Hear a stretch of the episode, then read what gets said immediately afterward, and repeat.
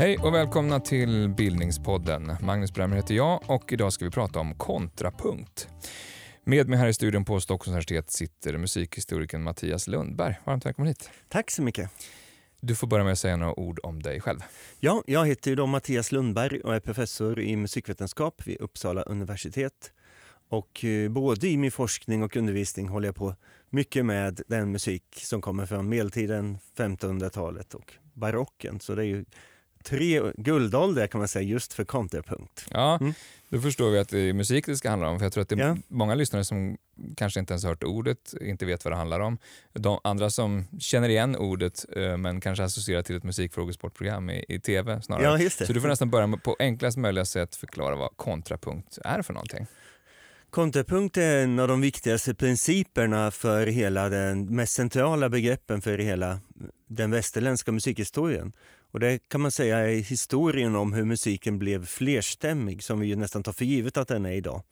Att man hör musik varje dag som är, vi skulle nästan bli uttråkade idag tror jag, om man bara hörde att vi sjöng samma melodi hela tiden. Oftast finns det ju en melodi och så finns det andra melodier som rör sig emot det oavsett om det är ackord, ackompanjemang eller motmelodier.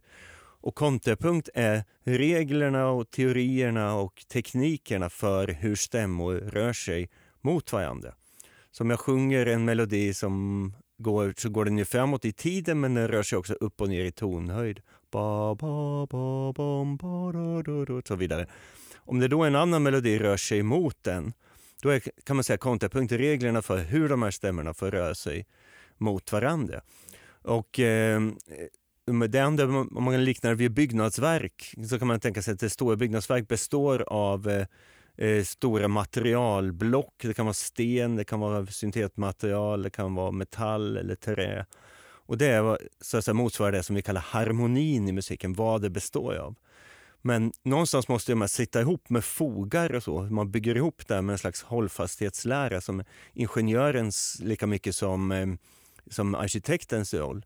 Och den musikaliska motsvarigheten där i kontrapunkten, hur får man foga ihop melodi? Eller hur mm, bör man mm. för att det ska låta som det gör? Men, men om att väldigt enkelt då, att om ja. du börjar sjunga en melodi här ja. eh, och så... Och så skulle du sjunga en annan melodi till till exempel? Ja just det, skulle jag sjunga samma melodi skulle jag sjunga unisont. Men sjunger jag, eh, sjunger jag, lägger jag en stämma på det här så blir ja, det. det harmoniskt, det blir en klang. Eh, men kontrapunkt är liksom ytterligare ett steg väl, att det är, om jag sjunger en annan melodi men som funkar med din melodi. Precis, så det är ju kan man säga olika tekniker för att skriva så här kontrapunkt. På ett sätt är kontrapunkt närvarande så fort det är mer än en stämma. Så att säga, som det är fler stämmor, för då finns okay. det slags regler för det. Men när man vanligen menar med kontrapunkt, det är det man kallar lite strängare kontrapunkt. När man, när man säger sträng, då låter det som att musiken ska låta kärv och så. Men det vet vi när vi lyssnar på till exempel Johann Sebastian Bachs musik, att det låter ju tvärtom ganska lekfullt och lätt. Mm. Men det är eh, ändå ganska stränga regler. Så den allra strängaste formen av kontrapunkt är samtidigt ganska enkel för många att åstadkomma. Många har säkert i skolan sjungit Broder Jakob till exempel som kanon. Mm. Och kanon är ju en tidig kontrapunktisk modell och den allra strängaste eftersom poängen är att stämmorna måste vara helt identiska men att de sätter in på olika platser. Så du har måste funka mot Så de melodierna måste funka mot varandra. Hade du behövt göra någon liten ändring där för mm. att det skulle funka i en av stämmorna, då hade det inte varit lika sträng kontrapunkt. Så det är det som... Och vi ska gå in på mm. både kontrapunktens historia men också teorin eh, som en liten överkurs i slutet. Men du nämner Bach som kanske är Just lite, eh, sinnebilden för, för kontrapunktisk musik mm. um, och som ofta nämns som ett exempel. Kan vi lyssna på någonting? Ja, vi så kan vi får en bild av, av hur den guldålderns kontrapunkt låter. Ja, precis. Mm. Då kan vi lyssna på en invention i C-moll av Johann Sebastian Bach. Och en, en invention på den här tiden betyder bara att det är en tvåstämmig komposition som låter så här.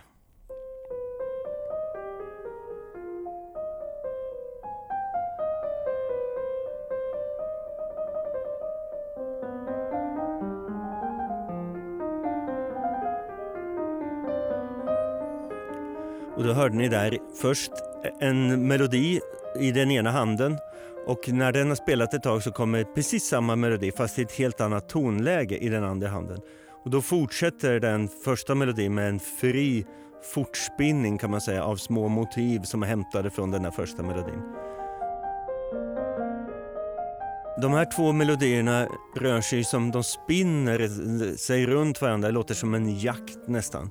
Ordet fuga, det är på en delvis annan kompositionsform som vi kanske kommer in på sen. Men det ja, betyder, tänker jag vi kan komma in på senare. Ja, det betyder just jakt. Mm, okay. eh, så att det är ju att stämmorna så att säga, jagar runt varandra och spinner. Och det låter väldigt fritt och lekfullt. Så att säga. Men, Men det är väldigt sträng, ja, det, det är en sträng form av kontrapunkt. Ja det är det. Det är många, många regler som finns bakom för hur de här stämmorna får röra sig mot varandra. Och ironiskt nog så kommer den här friheten i sig klangligt från just en väldigt stränga regler eftersom det då, när man har, det är som en slags höghöjdsträning. Har man tränat på de här allra strängaste stilarna då kan man göra detta väldigt enkelt sen. I, så det här är en typ av komposition som Bach skulle kunna göra på plats när som helst. Och det är en slags nedskrivna kontrapunktiska improvisationer. Ja, för det, precis, det, det, det, är väldigt stränga regler bakom men det mm. låter ju väldigt lätt. Ja, eh, och, elegant. Och, ja. Väldigt elegant. Mm. Eh, men, men och just, vi ska gå in på, på de lite strängare ja, regelverket senare, men, men det, det grundläggande är just att det här är individuella melodier. Just det. Du antydde att det fanns en ledigare form av kontrapunkt där, där det kravet kanske inte är lika strängt att varje stämma ska vara en egen vacker klingande melodi. Just det, precis. Så kontrapunkt, om man säger att det här verket hade dålig kontrapunkt. Om man säger det om någonting som inte har försökt vara kontrapunktiskt. Kanske något romantiskt verk av Johannes Brahms eller så. Eh, där, eh, då betyder det egentligen att det var lite slarvigt gjort, att stämmorna rörde sig på ett sätt som inte... Så kontrapunkt i sin allra strängaste form är ett slags ideal även för mång, mycket annan musik och en slags hantverkstradition som är egentligen det som binder samman Eh, musik från medeltiden fram till åtminstone runt 1950 så var det här en, också en pedagogisk tradition att alla lärde sig detta. Bach är ju på ett sätt, brukar ju beskrivas som en fullkomnare av flera hundra års tradition. Så det är egentligen vissa avseenden rena medeltiden här hos Bach. För det är samma regler som man har fått lära sig generation efter generation. Ungefär som att konstnärer vanligen lär sig göra kroki och, och eh, perspektiv, landskapsmålning och sådana saker. Det är inte i syftet att de ska ägna sig åt det och, och se ut som, de ska inte verka som renässansepigoner utan det är ju ett hantverksträning som de sen kan ha nytta av när de skapar sin individuella samtida konst. Det vi hörde nu var musik från, från barocken, mm. sent 1600 till 1700-tal. Men eh, du har talat om att det finns guldåldrar för kontrapunkten. Ja, men är det så att det finns kontrapunkt även i modernare musik? Jo, men det gör det. Det är ett, en typ av kontrapunkt som är, vi har pratat om kanon innan och vi har mm. talat om sådana här inversioner. Men något som man är väldigt kontrapunktiskt skrivet och som man oftast kanske inte tänker på på det sättet, det är när man sammanfogar flera melodier av kontrasterande karaktär som först man fått höra en och en. Många musikaler och operor innehåller sådana scener som är duetter eller tercetter eller upp till fem, sex personer där man i en slags klimaxscen, kanske ett gräl eller så, eller en vändning i dramat, får höra alla melodierna tillsammans. Mm. För de har först introducerats och då blir det en slags eh, väldigt stark klimaxkänsla när man hör att ah, de funkar ju faktiskt ihop. Och som lyssnare får man då effekten att ah, det funkar, de funkar ihop. Hur upptäckte de det? Men det är naturligtvis mm. tvärtom. Att först skriver man melodier mm. som fungerar tillsammans. Sedan plockar man isär dem, presenterar dem en och en och sparar på detta klimaxelement. Så på det sättet är det ganska likt narratologi inom litteratur Eh, vetenskap till exempel att om du ska göra en stor vändning mitt i din roman så måste den vara förberedd så att folk känner igen de här olika melodierna som karaktär. Eh, Les Misérables har väl ett sånt Ja, det, så jag, det var den jag tänkte på. Precis. Mm. Där det är upp till fem, sex, sju personers melodier mm. sammanförs. Då, så att säga.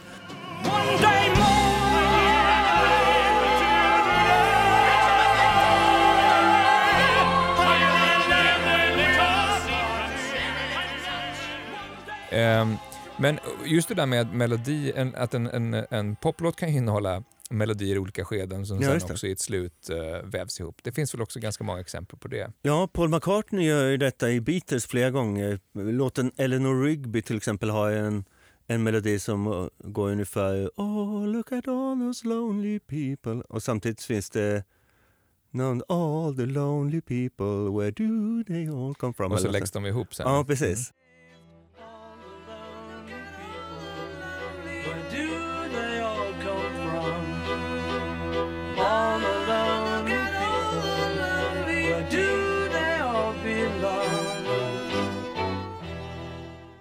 Och Beach Boys stämmer.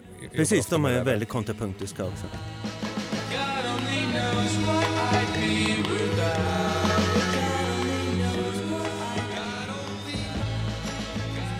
Man får först dem, höra dem separat och sen sammanfogade.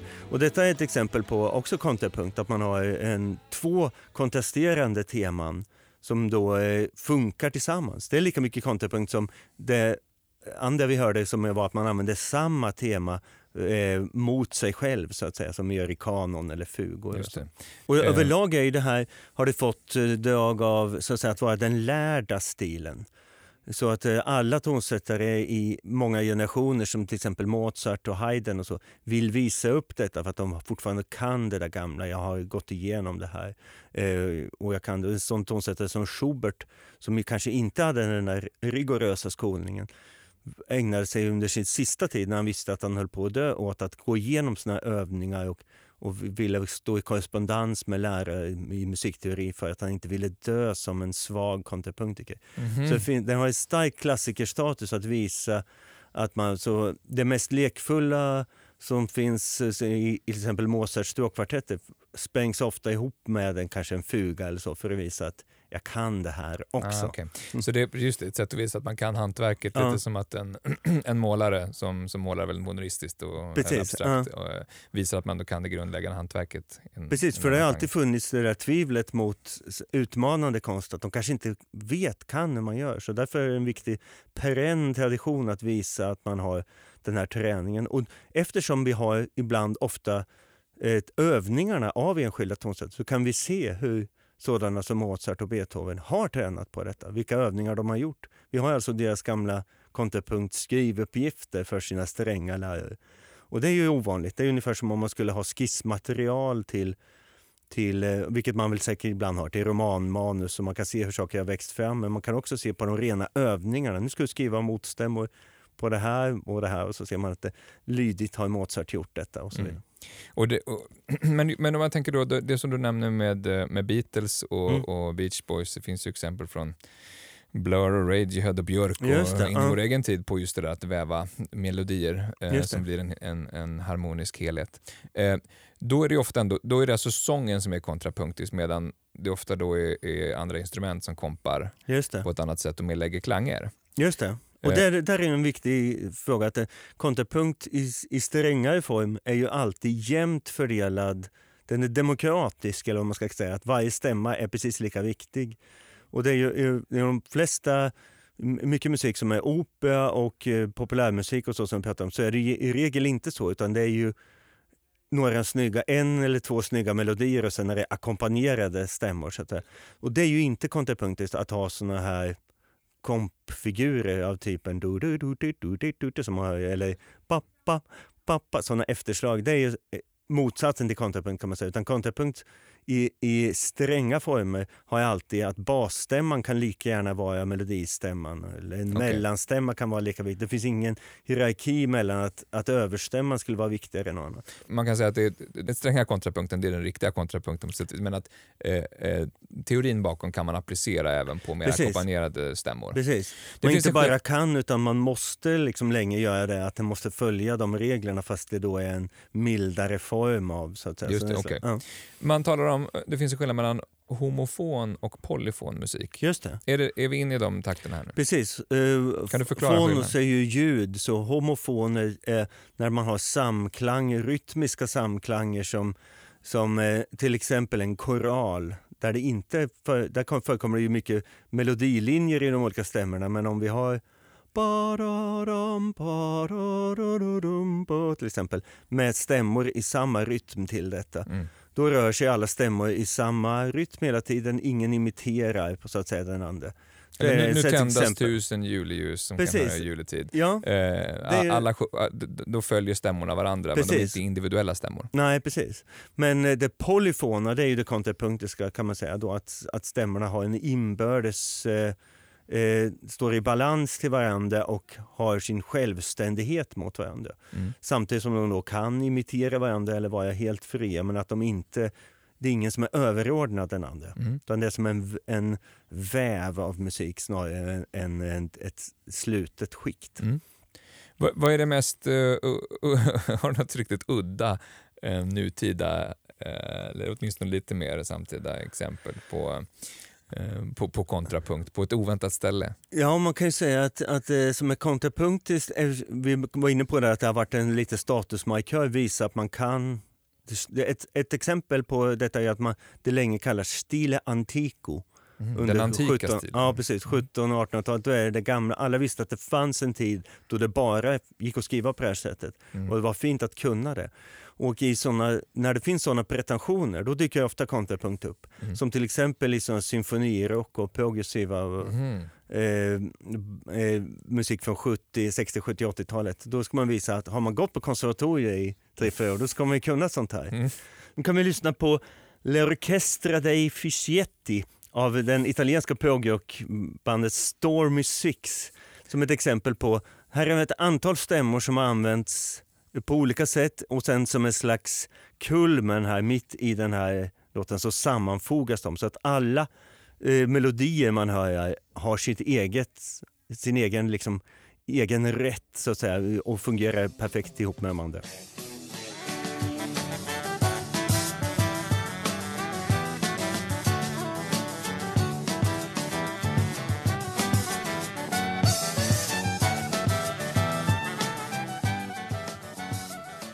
Ja, för, för oss idag låter det ju... Det, det, det är medeltid och det är jazz och det är barock och ja, det precis, är allt möjligt samtidigt. Men närifrån är det här?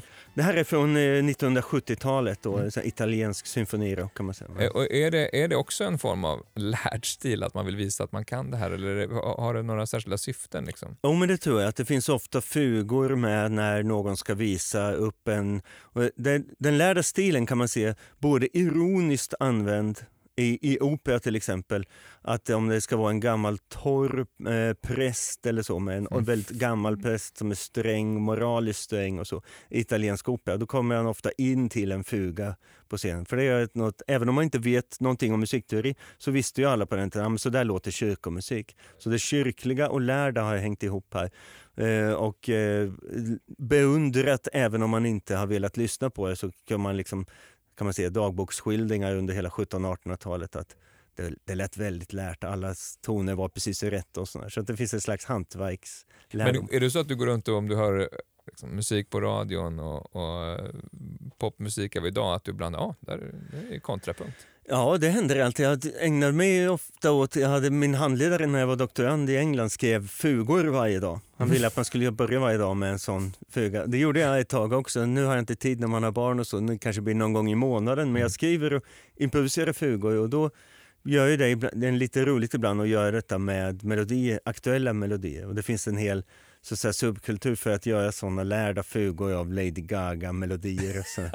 okay. så kan man skicka dem runt till varandra och spela in dem på på cembalo och så. Så, det, så, för, så det är också någonting med fugan eh, som är en slags variant av kanon kan man säga. Att man kan ta egentligen vilket tema som helst, Blinka lilla stjärna till exempel, mm. och göra en fuga på det. Det krävs att man eh, varier, alternerar, eh, så att man justerar den melodin lite grann. Ja, precis. Mm. Ja.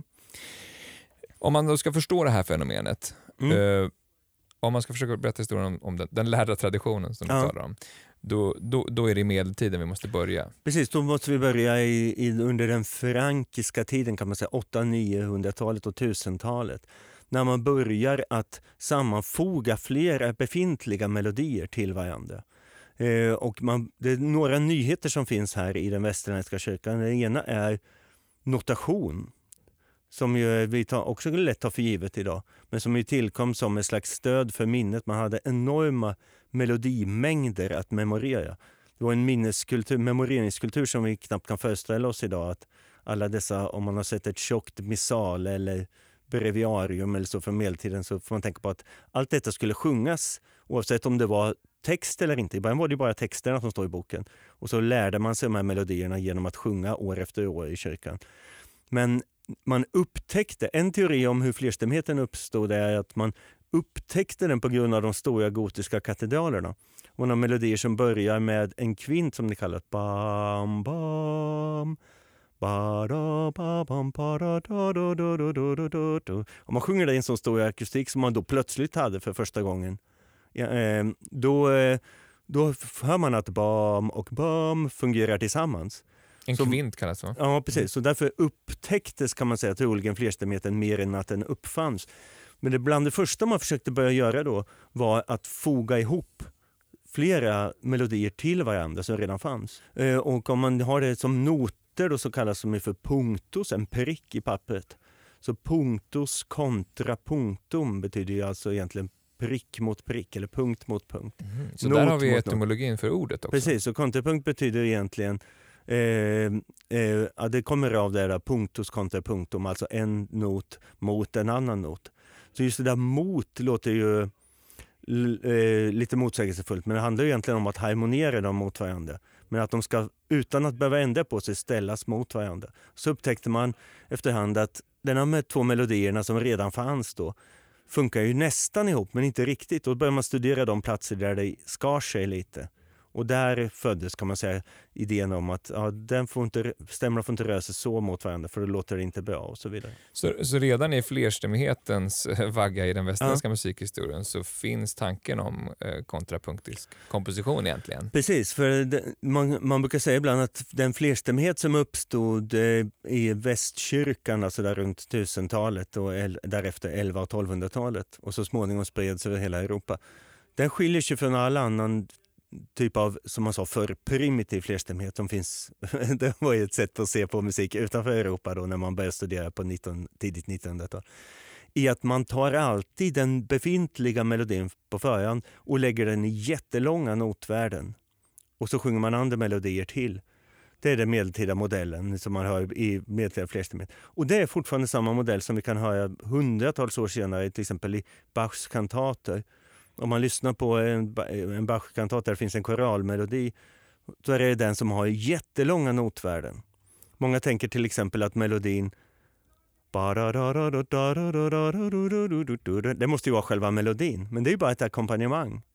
Mm. Men sen så kommer efter ett tag någonting som går i jättelånga notvärden. Bam, bam, bam, bam, bam, bam, bam. Det är alltså koralmelodin. Och det är rena medeltiden fast eh, Bach då skriver detta mm, i början av 1700-talet.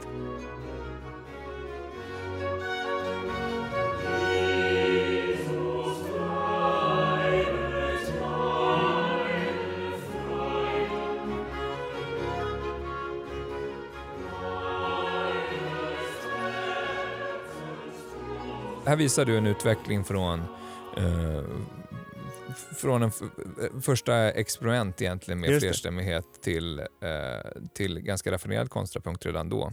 Om vi bara försöker få ett grepp om i den västländska historien här, den här eh, hur den här medeltida kontrapunkten lät. Just det.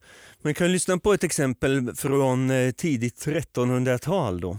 Eh, och detta är av en man som heter Denis Legrand och det är alltså en strikt kanon Precis på samma princip som man kan tänka sig då med Broder Jakob som många har sjungit. Det kan oftast används ju detta i skolor för när vi var små så, som den enklaste formen att åstadkomma flerstämmighet. För man behöver ju bara kunna en melodin. Sen kan vi bara dela upp oss i tre grupper här i klassen så får vi trestämmighet. Det är ju används som ett enkelt knep, men egentligen är det ju den strängaste formen, det som ställer högst krav på melodin. Just det, det är egentligen enklast att utföra, men ja, att tänka ut det Ja precis, man måste komplext. skriva en melodi som från början fungerar på detta sätt. Mm. Och här har vi alltså tre stämmor som har precis samma melodiska material men det blir en fantastisk kontrapunktisk väv. Eh, och då låter det så här.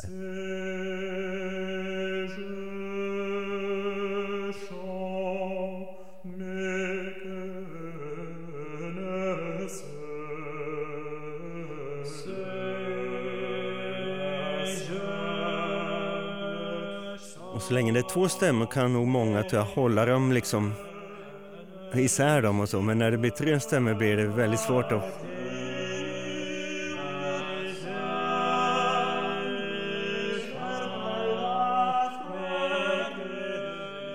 Var ska man lyssna? Ens hjärna liksom hoppar emellan, man vill höra på alla tre samtidigt.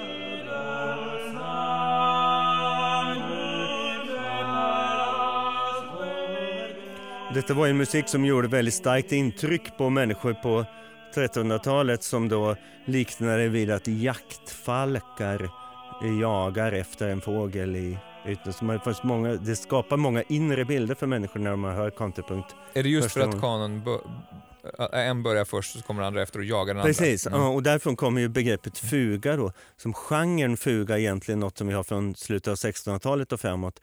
Men det finns som begrepp att fuga som jakt, alltså att stämmorna jagar varandra redan på medeltiden då. Och kanon betyder ju regel. Det ju, har ju också med strängheten att göra. Att kanon är ju att du får inte ändra din stämma utan du måste ha samma stämma. Men den kan börja på olika ställen. Och när jag säger olika ställen då under medeltiden så är det ju så att här hade vi att man började på samma bam, bam, bam, sen kommer nästa bam, bam, bam. Men man kan ju också transponera den här till en ny tonart. Så det kan ju finnas då kanon i kvinten till exempel. Alltså att den börjar med ma, dam, bam. Sen kommer nästa stämma. Na, da, da, men med samma melodi. Och det är kan man säga principen för mycket av den musik som kommer under nästa guldålder som är under renässansen. Det fanns alla, alla är guldåldrar Ja, men de är guldåldrar just för att de hänger samman. Så att säga. Det finns ja. mellangenerationer men överlag kan man säga att det finns några som brukar hållas fram. Och en sån är ju Palestrina som var en romersk kapellmästare på slutet av 1500-talet. Eh, och eh, där man fortfarande talar om Palestrinas stil som den, så att säga, den är samtidigt den strängaste men också den eh, som uppfattas som mest kanske upphöjd. Likheterna med renässanskonst på samma sätt, att det är så otroligt virtuoseri i kontrollen och hur mm. enkelt detta låter. Vi kanske kan lyssna på ett exempel. Vi där. gör det, och det här är mm. renässansmusik. Just det.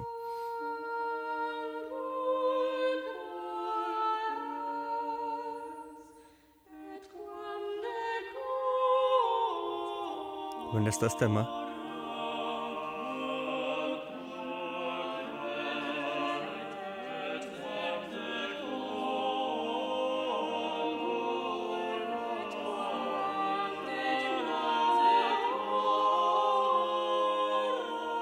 Och dissonanserna är mycket mer kontrollerade. Det finns mycket dissonanser, att det skär till men de får, eftersom de är kringgärdade med så mycket regler så uppfattas det mer som något som ett slags salt eller krydda snarare än att det är bärande. Så att säga.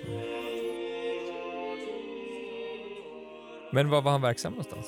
Han var verksam i Rom då, i Vatikanen och eh, som kapellmästare. Där. Och alla de här eh, eh, polyfona mästarna som man säger från eh, 15, 14 och 1500-talet. I början var ju väldigt många av de här från Nederländerna och belgiska områden och så småningom allt mer i Italien. Vi har gjort ett avsnitt om renässansen ja, och det handlar mycket om Florens. Men ja, det är så att i musikhistorien att, att Rom är minst lika viktigt. Precis, det är det ja. Och så småningom eh, eh, även eh, Venedig, men då är det väl lite för en annan stil som också då är, som bygger ofta på kyrkorummen. Mm. Eh, om man har stora läktare eller sådär så att man kan ha flera körer. Och så. Men Rom är centralt eftersom den, den eh, kontrapunktiska musiken är ännu mer kopplad till själva ritualen. Konsten är också naturligtvis kyrkan en viktig mecenat för, bildkonst och skulptur och så under renässansen. Men här är ju kontrapunkten själva ritualen. Man sjunger ju det som, som ska sjungas för att det ska vara en riktig mässa. Alltså Kyrie, Gloria, Laudamus. Och, och visst var det stycken som inte fick sjungas någon annanstans också? Det finns också ett berömt eh, verk av Allegri något senare, Allegris Miserere, som framfördes i totalt mörker då under påskveckan. Då, och där, I Sixtinska kapellet? Eller? Ja, precis. Och det var, många ville så att säga komma åt de här noterna men de var så att säga hemliga. De var delvis improviserade också, de här utsmyckningarna. Mm. Mozart bland annat som barn skrev av detta ur minnet när han hade varit där med sin pappa. Ja, det sägs att han har varit nästan en, en, lite som en, en hacker eller det är som en sprida musik på nätet. Bootleg. bootleg att han, gick, han, han, han besökte eh, Sistinska kapellet, hörde den här sången och gick hem och skrev hela stycket som är åtta minuter långt någonting, ja, det, i, ur minnet. Och så fick han jämföra det med en officiell kopia som fanns hos en som hette Padre Martini. Så han ville jämföra sin med sitt ja, minne hur bra också. Han, ja. okay. Vi kan lyssna lite på det. Ja.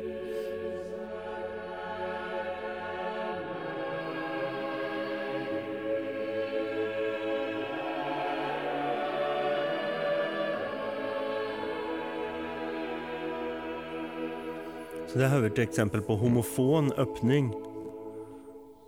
Som fortsätter alla har samma rytm Som en deklamation. Det här är tydligt homofont. Ja, just det. Och sen kommer kontrapunktiska imitationer. Att en stämma i taget kommer.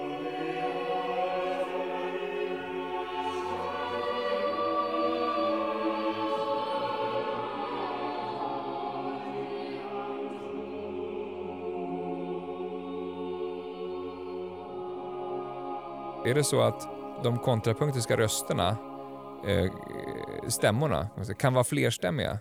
Just det. Det kan komma två parvis imitation. Det är väldigt vanligt under i renässanspolyfoni. Att det kommer två stämmor som man tror att man hör ett tvåstämmigt verk. Sen kommer två andra stämmor in. Om till exempel sopranen och alten börjar, de två högsta stämmorna med någonting, så kommer tenoren och basen in med samma och de andra fortsätter.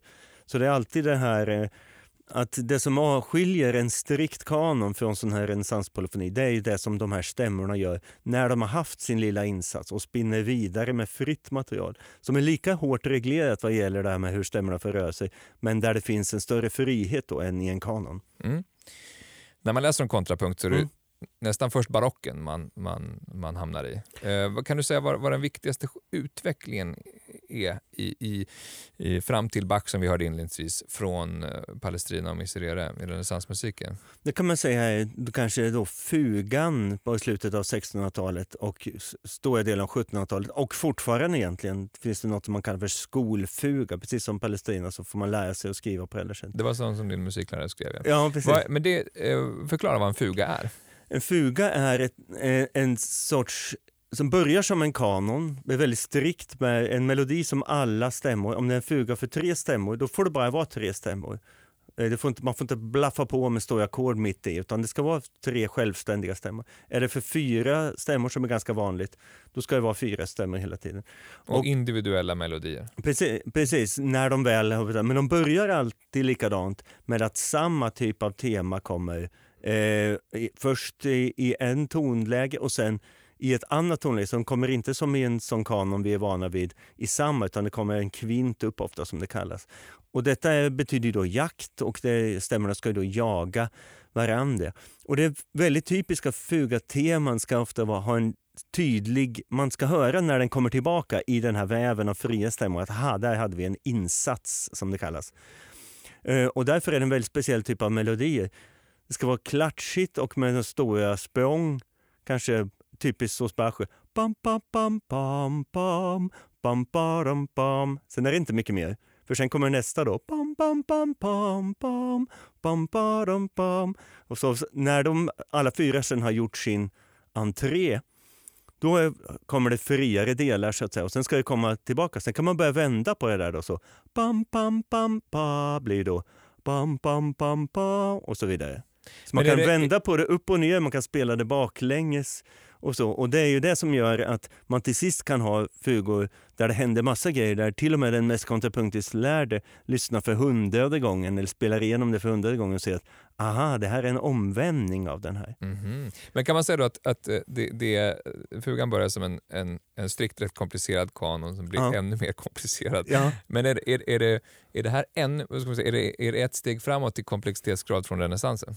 Ja, det finns en större, vad ska man säga, det, skillnaden är att här blir det för första gången musik som är mycket mer ska man säga, för samtiden medryckande. Mm. Så det är liksom, man breddar det från att vara ett, främst ett kyrkomusikaliskt uttryck det är det förvisso fortfarande, men det dyker också upp i alla andra möjliga sammanhang där man ofta tror att man hör fler melodier fast de hänger ihop med samma. Mm. Förstår du vad jag menar? Det finns en, en Bachfuga som börjar...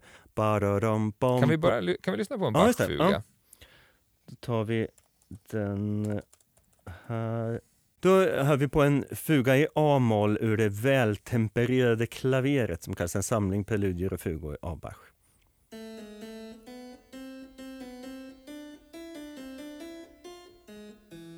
väldigt typiskt med att ha några pauser och sådär. Och när den andra stämman fortsätter här, då är den ju helt fri egentligen. Fast den härmar ju fortfarande där, så att en kontrast mellan det tematiska materialet och de här fria fortspinningarna som gör att det också kan bli virtuost, även spelmässigt.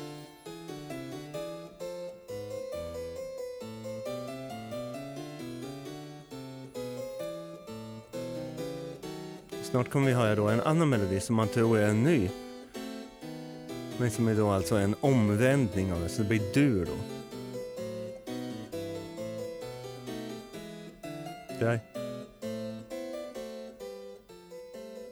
Vad menar du med omvändning? Här finns en omvändning, en melodi som börjar med bararam pam pam.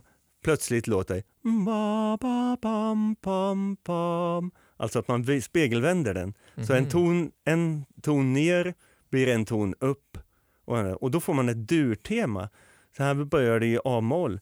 Så man tror att man hör två melodier. Man tror att man hör en melodi som låter barabam pam pam bararam pam bararam pam pam pam. Och sen hör man en melodi som låter la pam pam bararam pam bararam pam pam pam. Men det är alltså precis samma melodi som har spegelvänts. Och eh, detta gör ju att man kan göra man kan göra så mycket med ett tema som eh, så att man liksom för att visa det, man kan göra den här omvändningen, man kan göra det i förlängda notvärden som det börjar med badadam, bam, bam, badadam, så kan det komma en stämma som har badam, bam, bam, bam och så vidare. Mm. Och man kan spela det baklänges och sen det, på slutet brukar det finnas det som heter stretto eller trångföring. Det betyder att alla stämmor sätter in med så tätt att de hinner klinga till varandra. Så att den ena börjar bararam, så börjar den andra bararam, bararam. Alla fyra då. Och men då det börjar det inte som... riktigt som en kanon? Nej, utan det är ju då att, att eh, men det är ett väldigt typiskt fuga-tema på det sättet att den har de här pauserna. Bararam, bam, bam, bam. Bam, så att man ska höra i det där flödet sen oftast alldeles för sent tycker man. Ah, där är en insats, hur kunde jag missa den? Och så. Man hör när det redan har pågått ett tag. Så. Var, var så huvudstämman börjar? Ja, precis. Okay. Så det blir samma effekt som man tänker sig nästan som en gädda inför ett mörtstim eller så, ett lejon inför sig. Att man står liksom, var ska jag lyssna? Var ska jag? Man blir förvillad var man ska lyssna. Det är intrycket, för det händer så pass mycket mer i alla stämmor än vad det gör i någon annan ja. musik som inte är kontrapunktisk. Eh, du kallade Bach för, uh, för en eh, fulländare av den kontrapunktiska tekniken, musiken. Varf, varför är han det? Det är så att han tydligt ser sig som det. Vi vet att han studerade exempel som var upp till liksom mer än hundra år gamla och så mm. för att veta hur den gamla musiken hade låtit. Han såg sig också som en sån, han blev tidigt eh, eh, föräldralös och så uppfostrades av andra släktingar, bröder och kusiner som alla var organister och så vidare. Som ett, ett stort löfte. Och så. Vi har såna här uppgifter om att när Bach improviserar vid sina orgel prövningar som man gjorde när man, en nybyggd orgel skulle godkännas.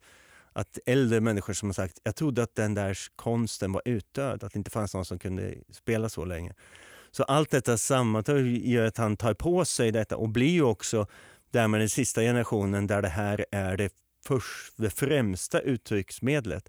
För sen kommer ju så sagt, den vinklassiska musiken på samma slutet av 1700-talet efter Bachs död Mo Mozart kanske mest ja, exempel. Där, där liksom orienterar man sig bort lite från det här. Även om det är viktigt för sådana som Haydn och Mozart att fortsätta att visa att de kan det här. Mm. Men deras musik är, har mer homofona inslag än polyfona. Precis, och väldigt fokus på eh, liksom vackra melodier och, och eh, sådana här saker. Ja just det, den här hierar hierarkin som man Precis, hierarkin i... blir mycket större. Att det är helt okej okay att ha stråkkvartetter där där liksom ett par stämmor åtminstone tillfälligt bara ackompanjerar. Så att säga. Just det, okay. och, så att det är både Bach eh, är, är, tekniskt fulländad i sitt sätt att komponera men också är eh, slutet på... Slutet på, på en så vid det laget då mer än 500-årig tradition att foga stämmor till varandra. Så att säga. Och han gör det ofta på ett sätt att det, det kan låta eh, liksom lekfullt och lätt och så finns det plötsligt någonting i väldigt långa notvärden, då vet man att det här är det viktigaste. Så det var ju så en lutheran i kyrkomusiken visste att man skulle orientera sig också. Att är det någonting som sjungs med jättelånga notvärden, då är det det som är det viktiga. Det är motsatsen egentligen mot vad vi tänker, att någon sjunger en melodi och någon lägger några långa toner som ackompanjemang. Men här är det precis tvärtom. Händer det mycket då betyder det att det är ofta friare. Så.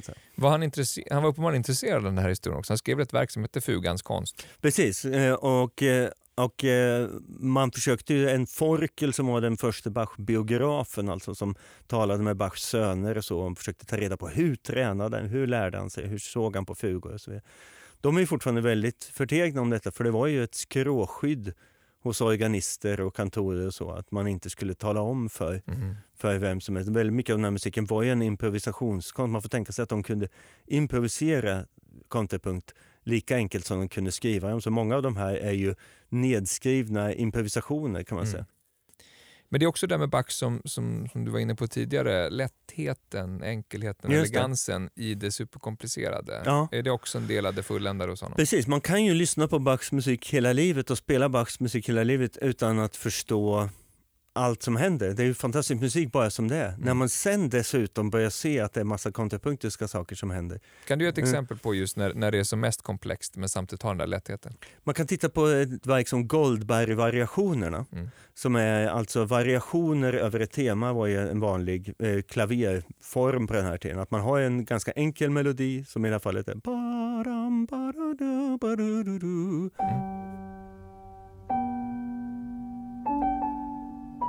Det här är variationsverk. Man bara skissar upp alla stilar som finns. Man kan spela på det franska sättet, på det tyska sättet och, och som danser, gavotter och så med det här temat. Men så är det så att var tredje här är också en kanon.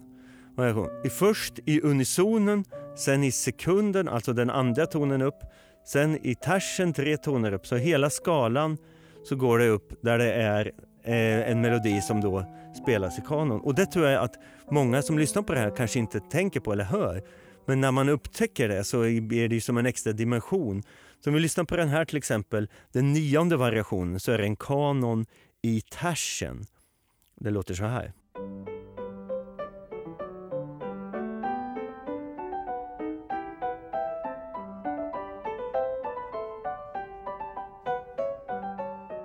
Så här finns en kanon som är lika strikt som, som Broder Jakob eller det medeltida exempel vi hörde innan. Men man tror ju att det bara låter så fritt och enkelt spelat. Så ett exempel på att respekten och så att säga ödmjukheten inför sån här musik ökar ju mer man tittar på närmare på analysen. Det är inte som en del kanske tänker att jag vill inte hålla på med musikanalys och sitta med noter så för att det, det tar bort magin. Men det är precis tvärtom. Det man ser hur något till synes enkelt är så otroligt. Han har lagt, byggt in massa regler för sig själv som egentligen inte hade behövt finnas där bara för att han var Nej, men... understimulerad. du tror det, själv. Ja. Det, det, det, kommer in på en intressant fråga för att om vi tänker Bach som krönet, mm. så historien skrivs åtminstone, mm. Ehm, och att eh, i, senare eh, epoker, du pratar om vinklassicismen och fram i romantiken också, ja, det. det finns exempel, ja. så är det mer ett sätt att visa på att man kan det eller att eh, markera någon form av musikaliskt tema som ska klinga lärt eller ja, antikt eller, eller, eller till och med mossigt. Eh, vad blir kontrapunktens syften liksom senare? För här är det som att det, det är inbyggt det. i den här tidens musik när man lyssnar på Bach. Men senare blir det ju mer något nästan antikvariskt. Liksom. Eller? Ja, det kan befinna syftet också att, eh, att sätta upp en regel för sig själv. Nästan som en övning för sig själv fast den hamnar sen i en komposition. Att jag ska göra någonting som ska fungera på det här sättet.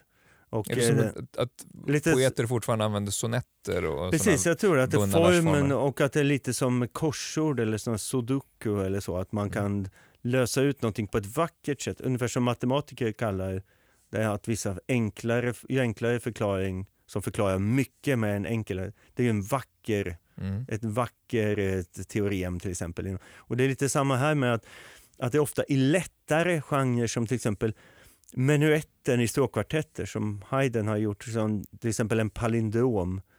Menuett mm. som är samma som spelas först framlänges och sen den andra halvan är samma som spelas tillbaka. Alltså bakgrund. Så musikern kan nästan vända notbladet upp och ner och spela. Men är det bara ekvilibrism och virtuositet i det eller finns det någonting som förhöjer musiken? Jag tror det finns humor också i det och att man ser att det, att det, att det titta här, man juxtaposerar liksom det enkla med, eftersom det, kontrapunkten är ju inte virtuos på det sättet att man måste vara, det är inte virtuos på samma sätt som Paganini, violin eller Caruso eller, eller Jenny Lind eller så. Det är inte med klang eller med teknik så, utan det är ju med just de här enkla lösningarna fast de, det kräver så mycket överblick för materialet för att kunna göra dem. Mm. Kan vi lyssna på ett exempel på en strikt kanon i den så kallade kvintkvartetten eh, av Joseph Haydn just. Mm. Som ett exempel på det jag tror många lätt kan hänga med och höra att det är en kanon, men där det samtidigt låter ja, dels lite lekfullt och sen också nästan som om det vore en scen där det skulle dansa in några troll eller något sånt där. okay, vi lyssnar. ja.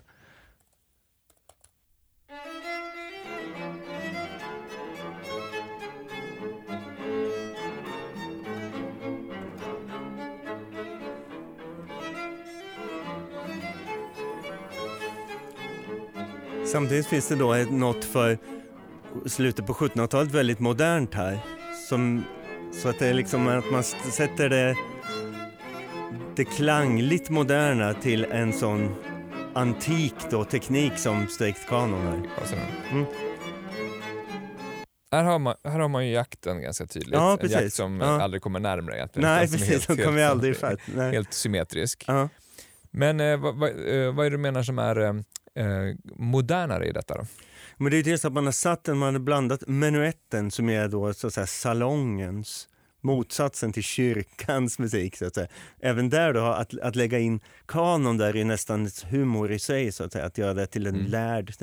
Men också att det ger en, en, klang som är ungefär som, när man hörde Haydns stråkkvartett samtidigt så föreställer man sig ofta eh, det fanns ju det man kallar ibland för topics i sån här modern eh, musikanalys. Alltså att man kan ha ett topos som är jakttornet eller, eller det pastorala eller så. Mm. Och en, en sån här uppfattades ju samtidigt klangmässigt där det var mycket unisoner så här, som att det mm. var nästan några eh, sagoliknande. Det är, inte det är så väldigt långt... renodlat. Ja, precis. Ja, det är två stämmor. Ja. Säga, två instrument per stämma ja, står mot varandra. Det, ja. så det, blir, det, det, är en, det är en ålderdomlig genre, ja. men den är arrangerad på sånt sätt så att den blir Precis. Eh, modernt avskalad på något sätt. Eller? Och, precis, och samtidigt får Haydn en chans att visa upp sig att han kan det här. Att han kan göra det också. ja, Men vad är... Så det är lite egentligen det som är, eh, om man ser på 17, 18, 1900-talet, hela det här att ställa upp ett problem och sen lösa det. Eh, det tror jag är lockelsen i de som fördjupar sig i kontrapunkt. Eh, det finns ju naturligtvis excesser, om man ska gå in på dem, Precis. om man har gått för långt. Ja, det skulle fråga dig. ja, det finns ju en man som de flesta skulle hålla med om gick alldeles för långt, som heter Pietro Raimondi. Okay. Som brukar ibland kallas den sista neapolitanaren. Han var ungefär samtida med Beethoven, alltså tidigt 1800-tal. Han skrev ett antal fugor som kunde han skrev till exempel en fuga i E-dur, en i G-moll och en i A-dur som kan framföras antingen var för sig eller samtidigt. Mm. Eller vilka kombinationer som helst av alla de tolv stämmor som det blir då tillsammans. Ett alltså, ännu grövre som exempel är ett, ett, tre stycken oratorier för stor kör, orkester och solister som skulle framföras tre kvällar i rad och den fjärde kvällen framföras simultant. Det är som en slags kontrapunktisk monstrositet. Och detta eh, lär ha varit rotat i, menar då den tidigare Raimondi-biograferna, i att han i tidiga dagar blev ratad som kontrapunkt. Han sökte en kapellmästartjänst och någon anmärkte på att vid bedömde inte att du var så stark kontrapunktisk. Mm. Och sen slog det liksom fel i huvudet på honom så han ägnade resten av livet till att, att sitta på kammaren och försöka bräcka av alla i historien, även bakåt naturligtvis. Mm. Som den främste kontrapunktikern. Kan vi höra hur det lät det här överdådet? Tyvärr finns det inga Raimondi-inspelningar av de här verken. Okay. Om jag någon gång skulle vinna på någon sån här lotteri eller något, så bland det första jag skulle bekosta skulle vara ett, en inspelning och fram, live-framförande av det här trippeloratoriet som då kan framföras men kan du beskriva hur, hur, hur det skulle låta? Alltså är, är det, är det liksom friast nästan? Den det, intressanta är ju, det intressanta med de här där han har fugor i olika tonarter som ska fungera samtidigt är att det måste fortfarande låta ungefär som Beethoven, för det är samtida med Beethoven. Mm. Så det är hundra år före sådana här modernistiska experiment i det, mm. med den skillnaden att man också måste låta klassisk på ett sätt. Man mm. måste, mm. Vi fick inte låta galet för då hade han inte visat vem som helst kan ju ta bara stämmorna och göra en strickkanon om det låter, men det måste också ha den här enkelheten. Och Raimondi lyckas väl aldrig riktigt få till den enkla elegansen. Men här var ju målet så att, säga, att bygga som ett kontrapunktiskt monument som ingen någonsin skulle kunna bräcka. Då, så. tycker väl det är en ganska bra slutpunkt för, ja. för dagens samtal. Ja. Jag tackar dig eh, Mattias Lundberg för att du vara med. Tusen tack, jag fick vara med. Det här var det sista bildningspoddsavsnittet för året. Ni kan lyssna på vår systerpodd Verket om tomten på julafton. Sen är vi tillbaka på det nya året med fler poddar och essäer. Men in, innan vi avslutar måste vi nästan återvända till den där Lady Gaga-kontrapunkten som du nämnde i inledningen. Kan vi inte få höra någonting istället för vår slutvinjett? Jo, men här har vi då en, en eh, fuga över ett tema av Lady Gaga spelat på en 250 år gammal historisk orgel. Vad är det för Lady Gaga-låt? Uh, uh, den heter Bad Romance, en fuga på Bad Romance.